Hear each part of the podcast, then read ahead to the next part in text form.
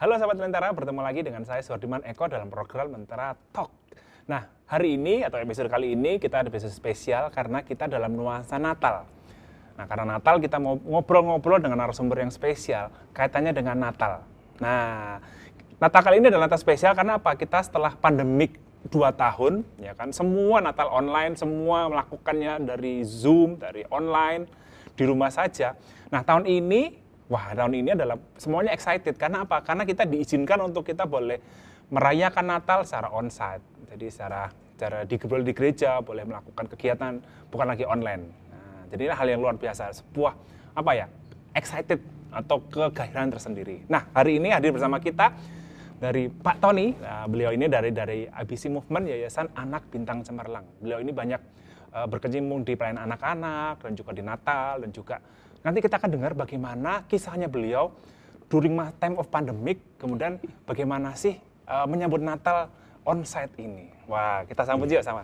Woi, Pak Tony. Ya, terima kasih Pak Hardi ya, untuk kesempatannya bisa ngobrol-ngobrol yes. di uh, Lentera Talk ini. Iya, ya. apa kabar? Apa kabar ini? Kabar baik, luar biasa dan selalu uh, ada harapan. Wah, ya.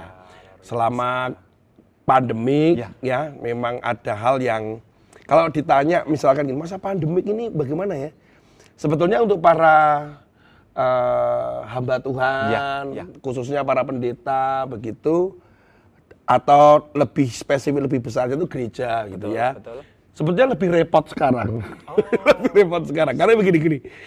Cara berpikirnya begini. Kalau dulu semuanya sebelum pandemik ya, semuanya onsite tidak terpikirkan satupun dari rohaniawan ya. Ini kita tidak hanya Kristen, Kristen saja ya, umum semua. Ya, umum ya. Itu kan semuanya onsite. Betul. Tidak terpikirkan untuk online. Betul. Hanya yang memikirkan online itu adalah para bisnismen, misalkan begitu, orang-orang yang bergerak di uh, media masih memungkinkan itu. Tetapi untuk orang yang bergerak sebagai rohaniawan dan bergerak di keagamaan, itu hal yang jauh dari hmm. apa namanya impian lah. Yang bisa-bisanya ya cuman ya upload di YouTube, kemudian cuman ada uh, apa media digital dibagikan dan sebagainya. Nah, ketika pandemik mau nggak mau kan dipaksa tuh kan akhirnya bagaimana untuk menjaga iman, tetap bertumbuh, kemudian tetap bisa connection, connect dengan jemaatnya. Akhirnya tetaplah ada yang namanya online service. Online service. Nah, Nah sekarang ketika semua itu sudah terbiasa dengan online service, tentunya kan ada kenyamanan ya. Kita betul, tahu sendiri, betul, sambil betul. masak bisa, sambil naik mobil ya. bisa. Wah pokoknya itu menjadi satu gaya atau tren yang menjadi hal yang baru. Jadi wah enak sekarang ibadah itu nggak usah repot-repot gitu. Ya. Bisa ya. during apa aja. Iya. Nah. Ya artinya juga nggak perlu persiapan apa-apa kok gitu ya uh, langsung aja gitu.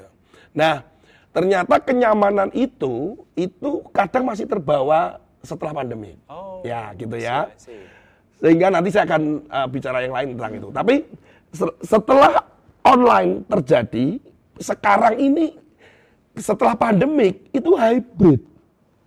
ya. Jadi yang onsite-nya jalan, online-nya juga jalan.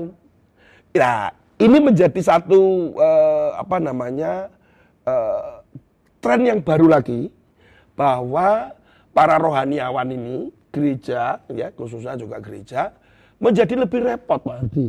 Oh. Kenapa? Contoh uh, kan online dan onsite nih. Betul. Terus betul. kemudian begini, Pak Tony, saya undang ya Pak ke sini gitu. Waduh kan luar kota nih. Ya. Gitu. Wah nggak apa-apa Pak, sudah Pak online saja. Nah, gitu ya. Jadi iya, iya, iya. jadi online-nya jalan, onsite-nya jalan. jalan. Baik itu seminar, ibadah maupun rapat, meeting jalan. Bisa. Jadi semua itu berjalan seiring. Sudah tidak ada batas waktu sepertinya. Apalagi uh, karena saya juga bergerak terkait dengan uh, jaringan-jaringan uh, internasional begitu. Jadi sudah nggak ada alasan untuk tidak hadir. Betul. Jadi kalau dulu kan masih ya. begini Wah gak bisa tiket mahal. Ya, oh ya, ya apa-apa ya. Lagi lagi peak season nih, ya. bisa flight lagi mahal. Online. Jadi ya, waduh ini harus onsetnya jalan, online-nya jalan gitu kan. Nah, bagi para hamba Tuhan dan pendeta itu jadi lebih apa busy, tight, oh. lebih schedule-nya lebih tight. Ini saya rasakan di bulan-bulan ini nih. Jadi saya rasakan jadi uh, apa? Oh, ini harus ini, ini harus itu. Nanti meeting ya jam 8. Ini udah nanti kan saya ada pelayanan jam 5, nggak apa-apa kan meetingnya online. Nah, jadi jadi lah ya itu kan buat para anu ya para ya, uh, iya sih. hamba Tuhan untuk pendeta terutama di Natal ini bersyukur bahwa Tuhan uh, sudah bisa membawa kita itu melewati lah. Ya, Bahkan ya. diumumkan uh, Indonesia ini tahun-tahun ke depan sudah masuk ya PPKM-nya udah di stop. Kemudian betul. dari pandemik jadi uh, endemi ya. Jadi menurut saya ini adalah progres yang bagus dan itu menjadi harapan itu uh, menjadi kenyataan gitu betul, ya betul. bahwa kapan ini berlalu tapi ke tren yang terjadi buat jemaat jadi ya itu tadi terlalu nyaman itu ya iya. keseret ya. kenyamanan itu ya, loh Pak Ardi ya, jadi ayo kita ibadah Natal gitu nah sekarang ini ibadah Natalnya jadi menarik Pak Ardi nah ini saya ini ibadah onsite oh ya sini ya. tapi nanti satu jam lagi online jangan-jangan di gereja onsite di handphonenya oh, iya. online. Iya. karena terkait dengan misalnya gini, oh sana onlinenya bagus karena musiknya ya, bagus, ditangani oleh orang-orang profesional, kemudian juga pembicaranya bagus. bagus. Nah sementara kalau saya onsite ini kan nggak enak sama bapak gembalanya, gitu. jadi jadi anu bisa hybrid hybridnya. Masalahnya kolektornya nggak hybrid. persembahannya enggak ya. Jadi jadi memang ya akhirnya jalan di dua itu ya. ya jadi ya, di dua media akhirnya, dua media. event online dan juga ada onsite. Ya, betul. Dan ada satu hal lagi yang ini saya sudah anu ya hmm. berbicara uh, kepada para hamba-hamba Tuhan, ketemu gitu. Kan kalau di Manado itu kan sudah ber ber ber ya, itu sudah ya. suasana Natal. Sudah betul gitu betul ya. betul. Jadi nggak heran ketika kemarin saya ke Kalimantan misalkan itu di November itu sudah merayakan Natal juga Duh. gitu ya. Wow. Jadi uh, beberapa kalau di luar pulau itu Natal itu ditarik ke awal gitu. Biasanya hmm. di minggu-minggu awal. Sebenarnya, Desember, awal ya, Desember. awal Desember. Uh, kemarin itu di Gorontalo dia berkata baru kali ini dia Natal di pertengahan. Biasanya Natal mereka di awal. Ya dengan pertimbangan kalau Natal itu di awal, itu pada pertengahan sampai akhir tahun dan awal tahun juga tahun. ya itu mereka berlibur ya di luar kota itu berlibur oh, iya. karena ini apalagi sekarang kan sudah open ya, ya Wah, ini nanti kita masih ngobrol ya, masalah open gitu libur nah, uh, mereka itu sempat berkata begini dari data survei di Indonesia bahwa gereja itu sekarang setidaknya itu bukan kehilangan ya tetapi berkurang kurang lebih 30 persen dari kehadiran sebelum pandemik oh. karena uh, onsite, onsite dan online onsite, itu onsite, tadi. Online, online. Nah, ketika kemarin saya ke Kudus juga begitu. Nah, dari ibadah mereka yang tiga kali ibadah itu sekarang tinggal dua kali ibadah, oh, gitu. Ya, tapi dia berkata bahwa ya saya semangat pak tahun depan saya langsung buka lagi yang ibadah ketiga. Tapi faktanya memang 30% itu berkurang. Oh per, ada terjadi perpindahan. Ya, gitu. perpindahan. Jadi begini, mereka itu satu berkurang itu bisa saja mereka ke gereja lain, ya, ya karena okay. satu dan lain hal. Yang ketiga, eh, yang kedua, maksud saya itu lebih kepada mereka udah nyaman itu tadi. Nyaman online, online, online. Karena sekarang contoh ya, paling mudah dulu ya dulu. Kalau kita mau kondangan, kondangan jam 5 itu kalau dulu gini, wah nggak bisa pak, saya ibadah loh pak. Nah gitu ya. Tapi kalau sekarang itu kondangan sambil online bisa. Itulah yang akhirnya kan kondangan tetap jalan gitu kan. Kondangan tetap jalan kan makan-makan, makanan jasmani ikut, makanan rohani juga ikut. Gitu. Iya Nah tapi kan dia kehadiran di gereja ini. Iya. Jadi jadi ada ah, perbedaan yang signifikan secara anaknya jumlahnya. libur. Pak, ayo kita libur, liburan minggu. Kalau dulu Gereja dulu. Gereja dulu. Natal baru nanti kita liburan. Atau kita ke gereja dulu baru kondangan, datangnya kondangannya telat gitu ya. Tapi sekarang enggak, itu bisa dijalanin dengan cara online. Lebih praktis oh, gitu ya. Mereka bisa pergi menganggap mereka bahwa mereka sudah ibadah. Gitu.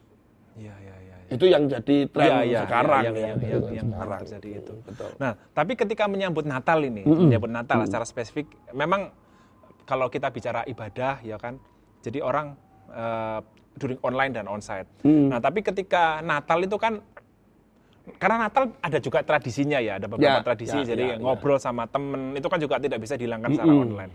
Nah, sejauh ini dari pandangan atau dari pengalamannya Pak Tony, pengamatan Pak Tony, gimana orang-orang menyambut Natal ini? Dari apakah excite-nya itu ah, Natal ya? Atau oh ini kita udah datang nggak ketemu nih? Jadi ya, jadi ya. excitement-nya apakah ya. ada perubahan ataukah? Kalau gimana? dari kalau kita melihat dari masa pandemik dan sekarang ya, ya, ya Artinya ini adalah kesempatan bertemu menjadi sebuah budaya bertemu keluarga betul, itu betul. Uh, makin makin antusias iya. ya makin antusias. Sebetulnya Natal ini dibandingkan dengan hari raya yang lain, lain. misalkan ya, ya sama kan beranjang sana, betul. terus kemudian kita ber apa bertemu kangen-kangenan, kesempatan mengenalkan keluarga satu yang dengan yang lain. Cuman bedanya Natal itu karena dia ada di Desember, Pak. Dan itu akan berurutan seminggu kemudian dengan akhir tahun. Akhir tahun. Inilah yang biasanya menjadi booming.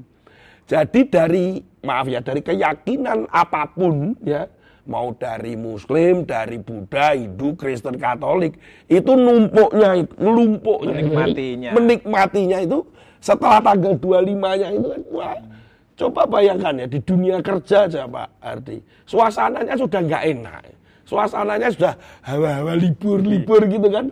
Walaupun di beberapa perusahaan itu mereka ini malah sibuk-sibuknya kan tutup tahun betul, buku. Betul. Kan, ya, betul. Wah, tuh saya orang... tanya teman saya tuh gitu lah, kamu ini udah wah ini belum. malah repot-repotnya. Tanggal 30 aja belum tentu libur ya, masih, ya gitu. Masih masih closing ya, ya kan? masih closing, masih setup gitu, ya, semuanya ya, ya, buat ya. next year. Kan oh. saya merasakan juga saya pernah gitu kan gak enak. Lebih baik saya cuti aja ya gitu ya.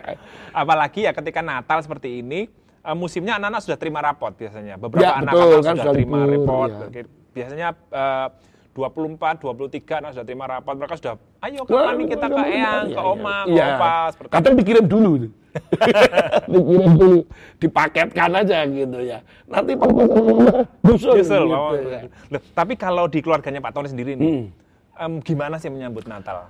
Kalau di keluarga saya ya, ya. di zaman dulu ya. Dulu. Saya nanti zaman dulu sama sekarang. Ya. Kalau zaman dulu itu ada budaya memasang pohon Natal. Itu itu pasti itu. Iya, iya, iya. Jadi awal terus Desember gitu saya nunggu ibu saya itu, ayo kita mau masang pohon Natal. Aduh, seneng banget itu. Wah, turun, kemudian kita pasang pohon Natal besar. Terus mami saya tuh menyimpan ornamen-ornamen Natal itu di tempat khusus juga. Wah, dibuka nih setahun sekali. Oh iya iya iya iya. iya. Wah, seneng banget bertugas mengikat. Itu seharian itu. Nah setelah itu nanti seharian sep, uh, sepanjang apa ya sepanjang bulan itu tuh lebih sering uh, mami saya itu memutar lagu-lagu Natal di, di ruang tamu, Wah. di ruang keluarga gitu ya. Wah, suasananya enak banget. jadi Wah, Natal ya. Terasa gitu. Walaupun papi saya bukan Kristen loh, okay. ya. Jadi tapi mencoba untuk uh, ya toleransi lah, menghormati gitu. Sehingga suasananya enak gitu. Saya kalau ditanya apakah saya rindu suasana itu, ya. Hmm. Saya sangat merindukan sebenarnya. Kalau tahun lalu saya mencoba di rumah saya pasang pohon Natal ya. Wah, pasang pohon Natal gitu. Nah, pohon Natalnya saya bawa, ternyata ujungnya nggak ada, Pak. Jadi oh anunya itu apa? Bintangnya bukan? Bukan. Oh, yang bawah. terdiri dari tiga part. Oke. Okay. Bawah, tengah, kan atas kan biasanya begitu oh, kan, iya. kan bawah, iya, atas, tengah gitu. Nah, bagian atasnya nggak ada, nggak ke bawah gitu dicari di seluruh dicari di gudang nggak ketemu. Gak ketemu. Jadi akhirnya ya ditarik-tarik supaya pokoknya ada ujungnya ya lucu juga gitu kan. Ya. Terus kita kumpul-kumpul juga waktu itu. Tapi uh, sangat berbeda ya sekarang ini anak-anak itu di kuda keluarga saya ya lebih uh, Christmas dinner gitu. Oh, Jadi iya, iya. saya nggak nggak pasang pohon Natal lagi, walaupun saya sempat pasang pohon Natal yang seperti itu tadi, uh, plastik tapi nggak ada ujungnya. Tapi saya pernah menanam pohon apa itu cemara cemara, cemara. asli idealnya mimpinya gini pohon pohon Natal itu jangan palsu seperti hati kita jangan ada filosofinya seperti itu. gitu saya uh, apa pelihara pohon Natal itu iya. itu bertahun-tahun sampai tinggi kan gitu saya beri itu lampu yang anti apa yang outdoor itu iya, anti iya. air dan sebagainya jadi kerlip-kerlip itu oh di, di, di rumah gitu wah kan gitu. itu akhirnya ditiru sama beberapa tetangga gitu ya, oh. ya selama bertahun-tahun ya, ya, ya, ya, tiap ya, tahun ya. Ya saya terpaksa harus bongkar itu karena ada renovasi rumah, rumah okay. ya, dengan sedih ya harus dibongkar. Tapi sekarang sudah kami nggak pasang lagi gitu. Yang menjadi budaya di keluarga kami adalah Christmas dinner sama present hadiah. Oh iya iya. Gitu ya, ya, Pak. Ini mulai sibuk nih, ini adanya apa ini? Apa, mulai, mulai berpikir ya, ya apa nih, nyiapin apa ya, nih buat ya, papa, buat mama, buat... Iya, gitu ya. anak saya juga kemarin sudah, sudah kasih hadiah gitu kan. Papi ini, tolong papi yang... Loh, nanti kan waktu Natal tuh gimana? Enggak, aku pengen papi anu pakai dulu ya gitu ya. gitu ya. Ya kakaknya lagi mikirin ini gitu dan sebagainya. Tapi di sisi kesibukan kami ya, ya. kadang kadang kelewat-kelewat gitu. Tapi kita sudah menyiapkan bahwa kita nanti liburannya setelah Natal aja. ya ya ya karena kesibukan dan dan ya, aktivitas ya. ya jadi setelah ya. setelah Natal. By the way ini Pak Tony, uh, menurut Pak Tony pribadi sih sebenarnya makna Natal itu apa sih Pak? Apa sih apa ya uh, relevansi urgensi atau pentingnya Natal buat Pak Tony pribadi apa sebenarnya? Natal itu buat saya adalah sebuah jawaban dari kehilangannya harapan. Jadi kenapa akhirnya saya melihat kerlip-kerlip lampu, kemudian ada keceriaan lagu-lagu yang lihat lagu-lagu Natal itu selalu apa namanya lagu-lagu yang ceria ya, gitu ya. ya. ya, Terus kemudian uh, ada satu uh, atmosfer di mana pasang lilin ya betul. lilin di tengah kegelapan itu betul, dan betul, betul. suasananya itu nggak bisa apa ya nggak bisa dibayangkan lah gitu. Tetapi buat saya adalah ketika orang itu kehilangan harapan dalam contoh tahun demi tahun ya. kita hadapin ya kita menghadapinya dengan dengan apa namanya dengan dengan ucapan syukur ya. Ya. Nah banyak hal yang kita itu inginkan di tahun-tahun mendatang ada harapan enggak gitu ya apakah akan menjadi lebih baik tidak tahun, tahun depan ini dibandingkan tahun ini ya. bagaimana tahun depan apakah lebih baik Terus kemudian kita juga melihat bahwa di tengah penderitaan, tekanan gitu. Buat saya adalah kondisi itu kan yang terjadi di uh, Yerusalem waktu itu okay. bahwa saya melihat uh, para gembala itu kan orang-orang yang nggak punya harapan sebenarnya gembala itu. Pekerjaan yang tidak diinginkan oleh banyak orang, orang nggak mungkin punya cita-cita. Kamu nanti cita-citamu apa? Jadi gembala itu sudah nggak mungkin lah orang yang kehilangan harapan yang di tengah malam gelapnya itu oh tiba-tiba ada kabar gembira itu jadi teng. Saya membayangkan bahwa ketika itu digambarkan secara visual begitu ya. Malaikat itu nyanyian itu itu memberikan satu apa ya? Semangat. Bahwa ternyata ada harapan. Ketika menemui Yesus di palungan kemudian menceritakan apa yang terjadi ketika ketemu dengan malaikat Kemudian dia keluar dari palungan dan mereka menuju ke kota. Mereka tetap menyanyi dengan sukacita. Sebenarnya bukan hanya para gembala. Harapan itu juga muncul pada uh, si Maria, Maria, si Yusuf. Okay. Bahwa bisa nggak aku nih, uh, masa mungkin saya melahirkan atau mengandung okay. dalam kondisi keperawanan ini gitu.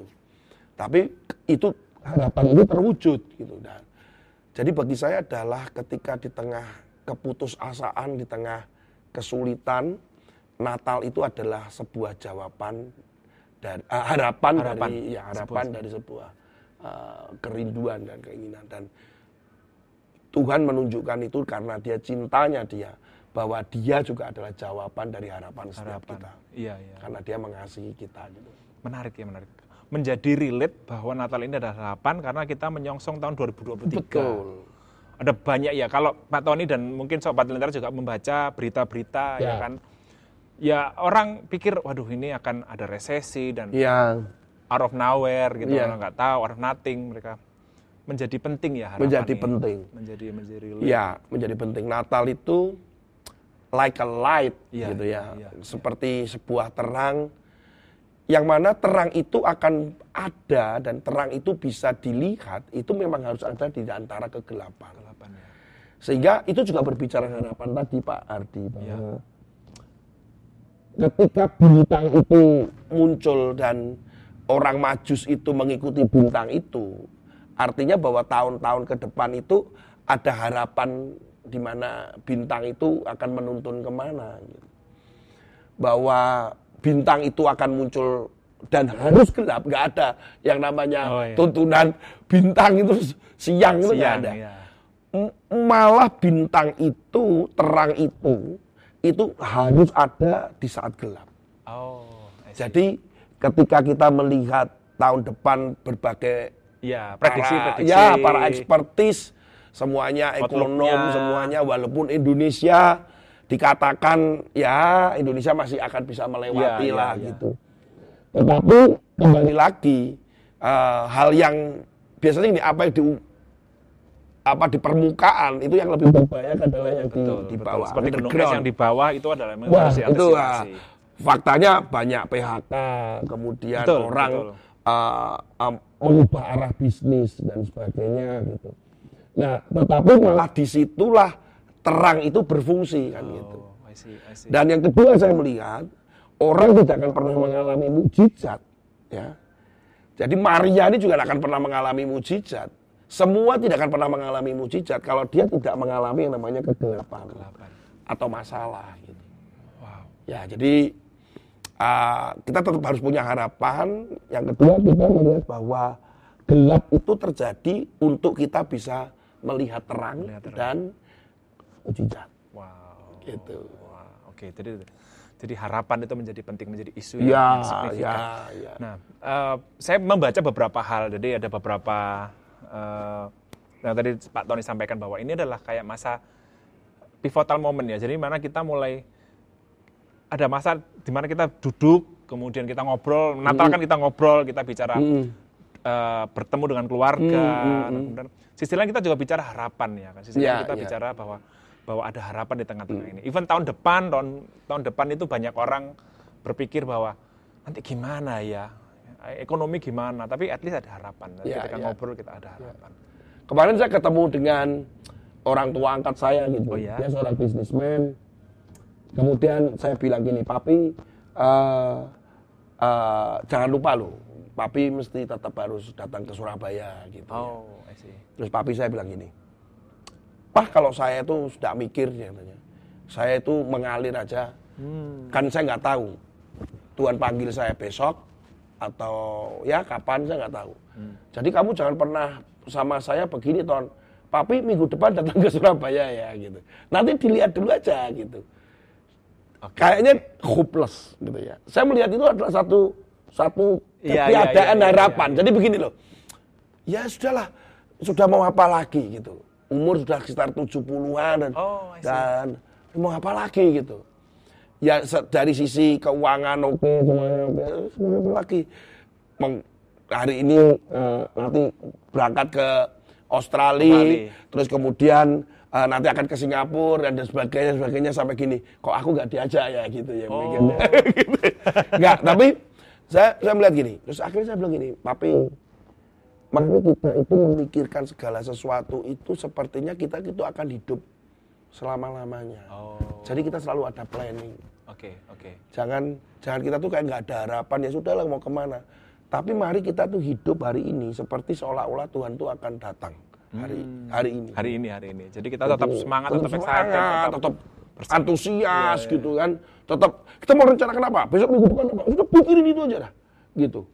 Oh, tahun depan gimana? Jangan pernah gini, udah wait and see. Karena orang ada wait and see. Yes, wait and see, tapi ketika kita menunggu dan melihat, kita juga harus tahu bahwa bagaimana kita mengandalkan Tuhan di dalam setiap perjalanan kita karena dia adalah terang itu iya yang sih. di tengah kegelapan gitu. Wah ini menarik ini menarik. Kalau kita bicara Natal, kita bicara ada banyak hal yang kita bisa ngobrol. Ya. Tapi Pak Tony saya ter gini tergelisik ya karena oh. ada ini di ya, tengah-tengah kita. Ini kan masih harus nah, kenapa dipasang ini. di sini ya kan? Ya. Uh, Apa saya, perlu saya pakai ini? kan saya googling Pak Tony ini juga juga juga juga hmm. uh, aktif ya. uh, melayani anak di empowering hmm. anak-anak hmm. di keluarga hmm. juga hmm. Anda juga apa bikin konten tentang hmm. anak dan remaja dan keluarga dan itu menjadi penting. Nah, uh, kenapa Pak Tony? Kenapa ini kan juga butuh effort ya, butuh ya, effort. Butuh effort nah, ya. Jadi passionnya Pak Tony di sini juga ya, gitu. Ya, Atau? Jadi saya melihatnya begini loh. Uh, kita tidak akan uh, kan kita lihat ada kesalahan generasi ya okay. ngomong kesalahan okay. generasi. Okay. Kesalahan generasi itu adalah ketika kita tidak menghormati generasi di atas kita. Hmm. Kemudian yang kedua itu ketika kita tidak melakukan apa-apa pada generasi kita. Dan yang ketiga adalah ketika kita tidak menyiapkan generasi, generasi berikutnya. berikutnya ya gitu. Nah, saya tidak mau uh, kesalahan generasi ini uh, terjadi pada diri saya. Oh, I see, I see, Bahwa I see. saya tetap harus respect dengan generasi sebelumnya. Senior. Ya, yang senior, makanya saya connect dengan mereka-mereka. Yang kedua, saya akan tetap melakukan sesuatu pada zaman ini, okay. di zaman saya, gitu. Usia di apa namanya di usia di generasi saya. Yang ketiga, saya harus menyiapkan generasi ini. Oh. Minimal saya harus menyiapkan itu adalah anak-anak saya kan, gitu kan. Ah, Minimal. I see, I see, I see. Nah, kenapa harus disiapkan sekarang? Jadi begini, satu kali saya membaca, ini ada hal yang penting. Seorang sosiolog itu pernah mengatakan ketika saya baca di sebuah surat kabar, dia hmm. mengatakan gini, bahwa uh, Indonesia ini ini memerlukan satu yang namanya uh, perubahan perubahan karakter budaya okay, dan okay, sebagainya. Okay. Kita tuh hilang loh nasionalismenya wah kacau dah oh, gitu kan ya. gitu ya. Wah, waduh, upacara kayak apa oh, iya, kayak iya, itu iya. udah ada. Tanyain lagu wajib aja dia nggak tahu, lagu daerah nggak tahu. Saya saya itu menanamkan ke anak saya loh sampai sekarang loh. Lagu wajib, lagu daerah, saya sama-sama dengan istri saya tuh kadang nyanyi bareng gitu. Kamu lagu apa tuh daerah mana? Mereka nggak tahu gitu ya. Nah, dari situ tuh kan keprihatin saya. Ya. Prihatin bahwa generasi ini mau seperti apa gitu. Nah, oh, berangkat see, see, see. dan kata sosiologi berkata begini. Garda terakhir, garda terakhir, garda terakhir yang bisa uh, menyiapkan generasi ini itu adalah keluarga. Garda terakhir tuh, sudah nggak ada yang lain. Kita ngomong institusi lembaga, kita ngomong institusi.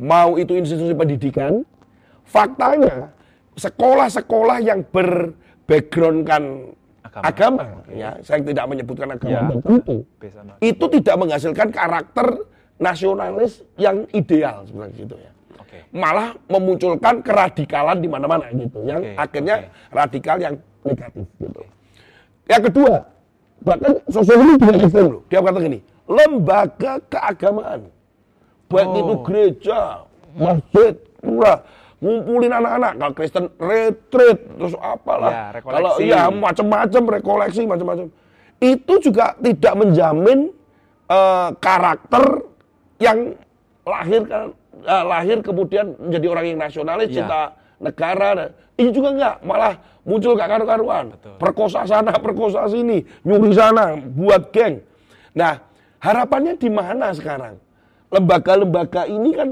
pada ya kita tahu lah ya kalau secara politik ada apa gitu.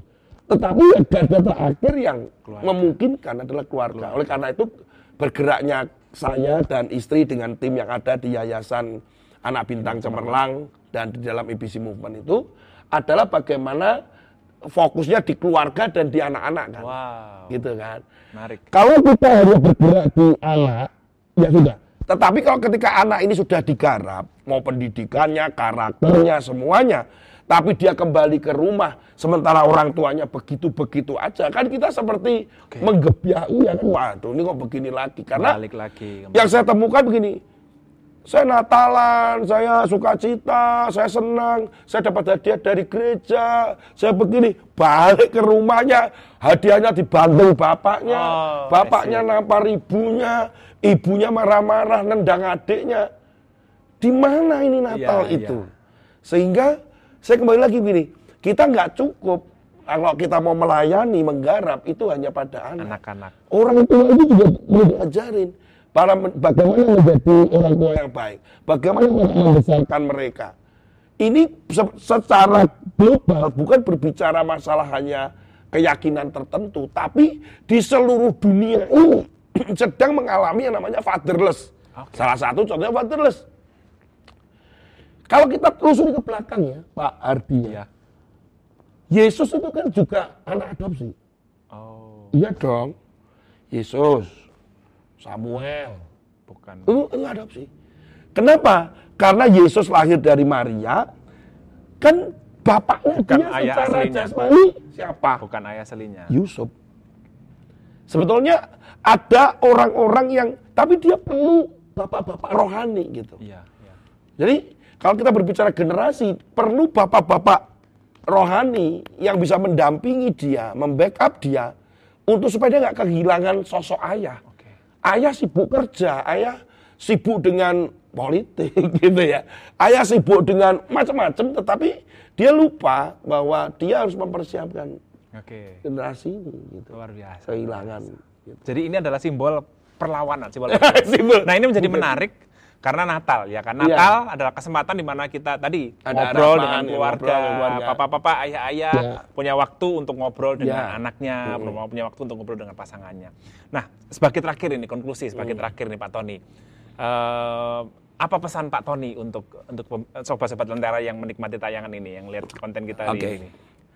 Uh, sahabat lentera yang sahabat lentera saya uh, memberikannya setidaknya uh, satu pesan lah.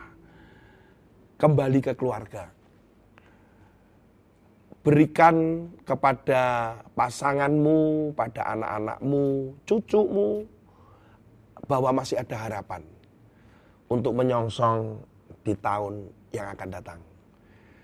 Memang prediksi dikatakan gelap, tetapi berikan rasa aman di tengah-tengah keluarga.